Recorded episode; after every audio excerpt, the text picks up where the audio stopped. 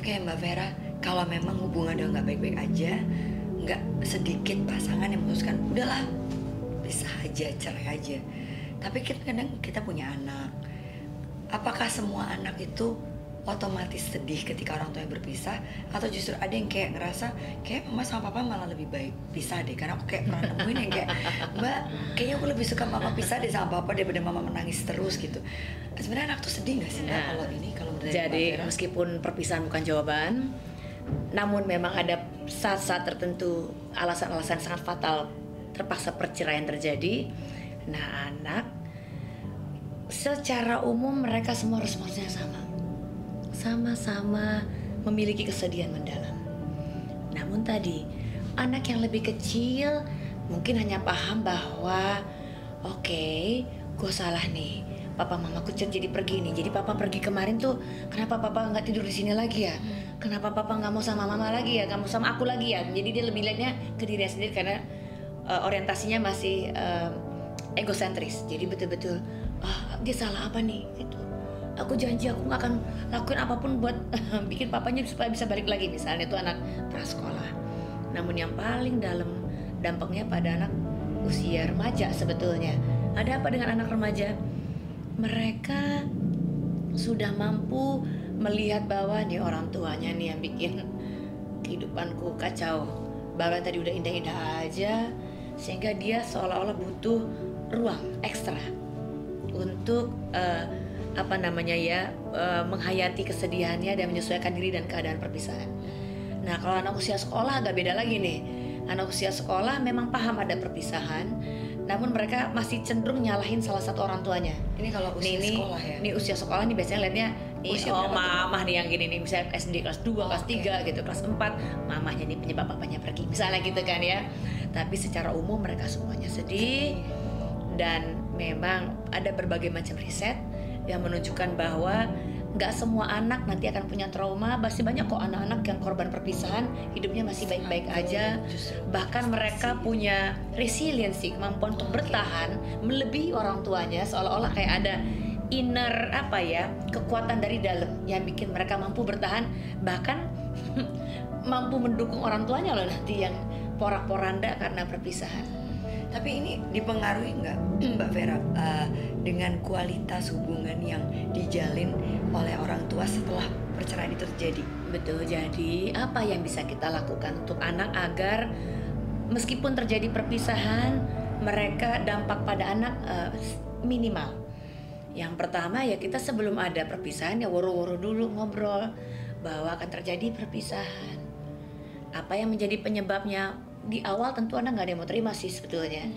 Makanya diskusinya nggak boleh satu kali. Kadang-kadang orang tua suka gitu. Udah udah pernah dibahas. Tapi kan anak nggak paham.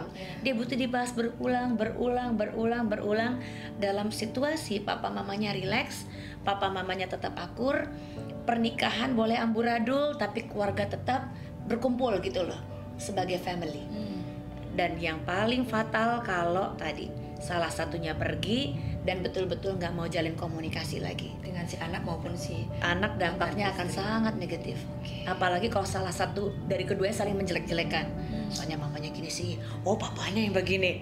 Anak lebih terpukul daripada Anda dan lebih terpukul dari apa yang diucapkan oleh bapak ibunya. Dan Tentang kalau untuk- pasangannya kan. untuk- Itu papa mamanya kan Iya, sebetulnya. iya. Untuk psikologis anak yang masih kecil mbak usia dini kan dipikirnya Betul. kayak kayak nggak ngerti nih. Karena anak nggak paham, kadang-kadang kita bisa baca cerita-cerita tentang keluarga yang nggak sama-sama lagi. Nonton film tentang keluarga yang pisah tapi mereka tetap happy, bahkan punya extra family loh. Jadi ada mama baru, ada papa baru yang panggilan-panggilannya mungkin bisa eh, disesuaikan. Namun tadi anak sebetulnya bisa lebih baik ya dampaknya minimal kalau mereka tetap terkoneksi sama papa mamanya lingkungannya tetap dijaga kondusif nggak dipindah-pindah nggak kasihan. Kemarin tinggal sama tante besok tinggal sama nenek besok tinggal sama omnya jadi papa mamanya ke mana Jadi gitu harus kan ya struggle dengan lingkungan baru lagi. jadi yang menyiksa anak nggak cuma perpisahan jadinya, Iya. tapi ada perpindah-pindahan ya. Dia mesti nomaden ke sana ke sini. Masalah finansial yang bikin dia tiba-tiba berhenti sekolah misalnya karena salah satu secara finansial nggak kuat eh, atau tadi eh, pembagian hak asuh yang memang tidak berimbang. Itu sebab selesaikan ego ya. Toh perpisahan kan udah ber- uh, udah menunjukkan bahwa nggak ada lagi kok yang mesti dipertahankan nggak ada lagi yang mesti diperjuangkan tentang ego. Ini saatnya anak punya anak-anak dapat uh, apa namanya ya anak dapat dukungan bahwa perpisahan uh, hanya berlaku buat orang tua bukan buat anak. Jadi nggak ada mantan orang tua, tapi mantan suami istri boleh gitu ya Mbak? boleh Keren banget.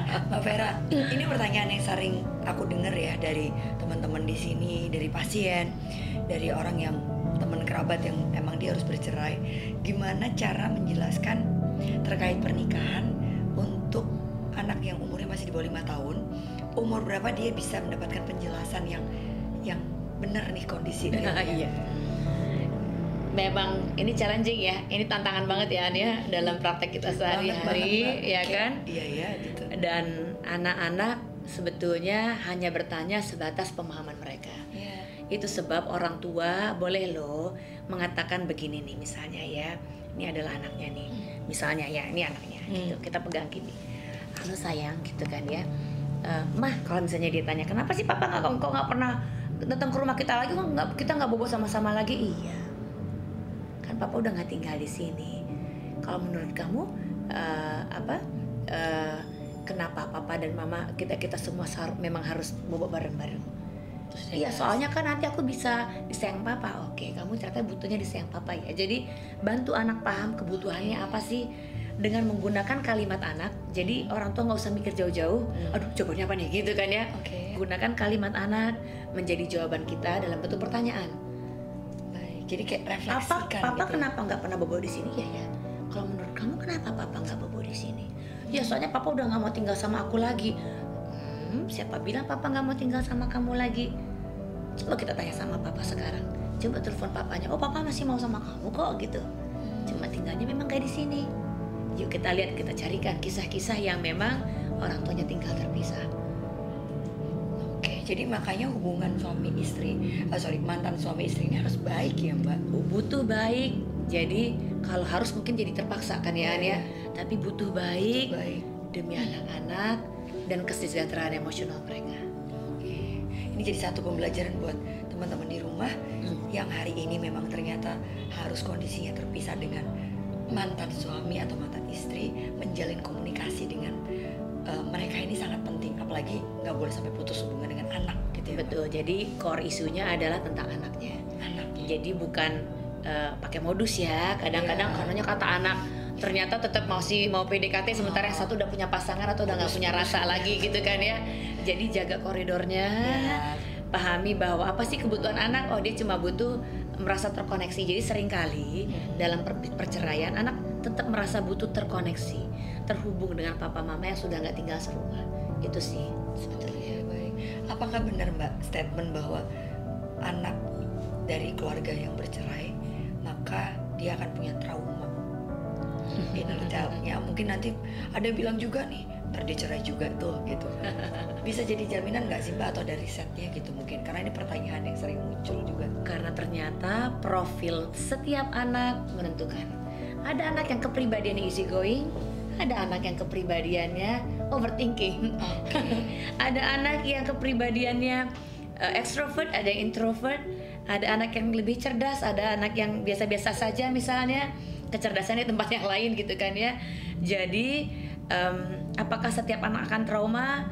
Terlalu banyak aspek yang menentukan apakah dia akan trauma atau enggak.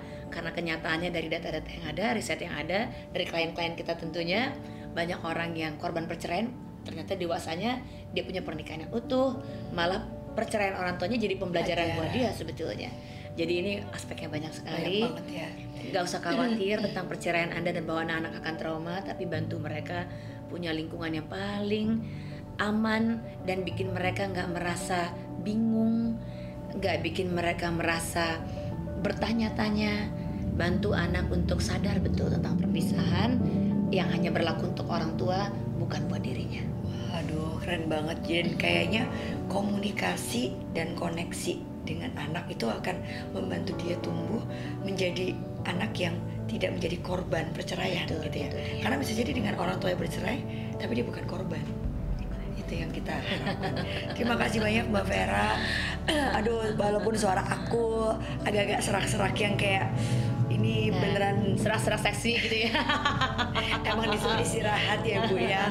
Jadi tapi seneng banget karena semuanya hilang karena hari ini kayak dapat satu insight bahwa sebenarnya pernikahan itu perjuangan bukan sih Mbak Vera? Iya, akan selalu ada dibutuhkan usaha di dalamnya. Ya, pernikahan memang butuh diusahakan karena cinta sejati memang butuh diusahakan sih. Dan gimana cara kita falling in love back?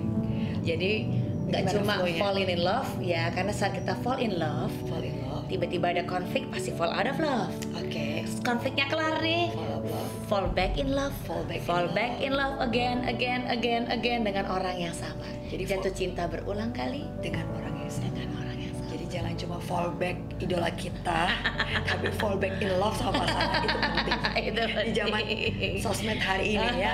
Oke Mbak, eh, terakhir Mbak untuk pasangannya sendiri yang hari ini mungkin sudah terlanjur berpisah dengan mantan istri, mantan suami. Bagaimana cara dia untuk bisa menyembuhkan luka? Karena kan untuk untuk orang itu mungkin untuk kembali percaya dengan orang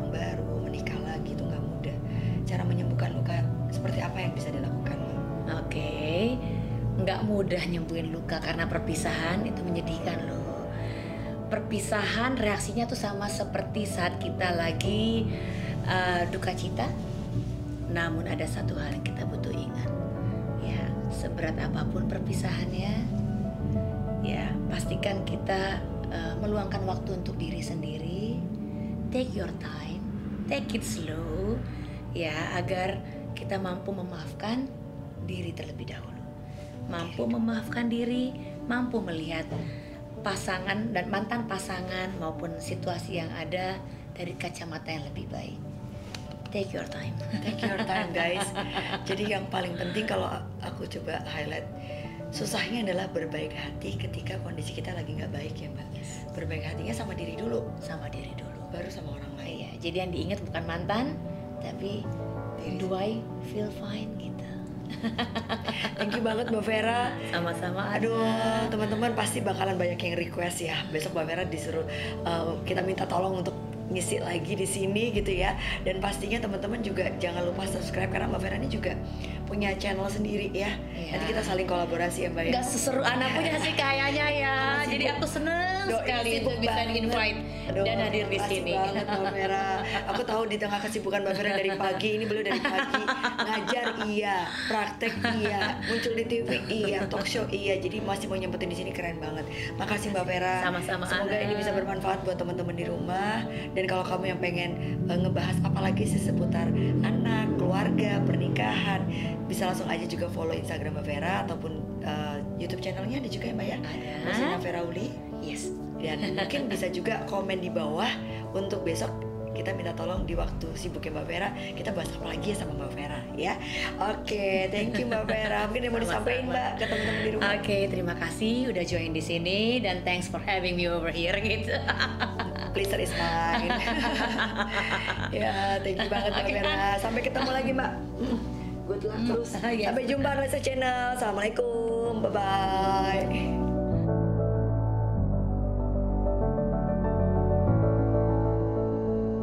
Jadi dalam pernikahan yang sehat justru ada pertengkaran di dalamnya.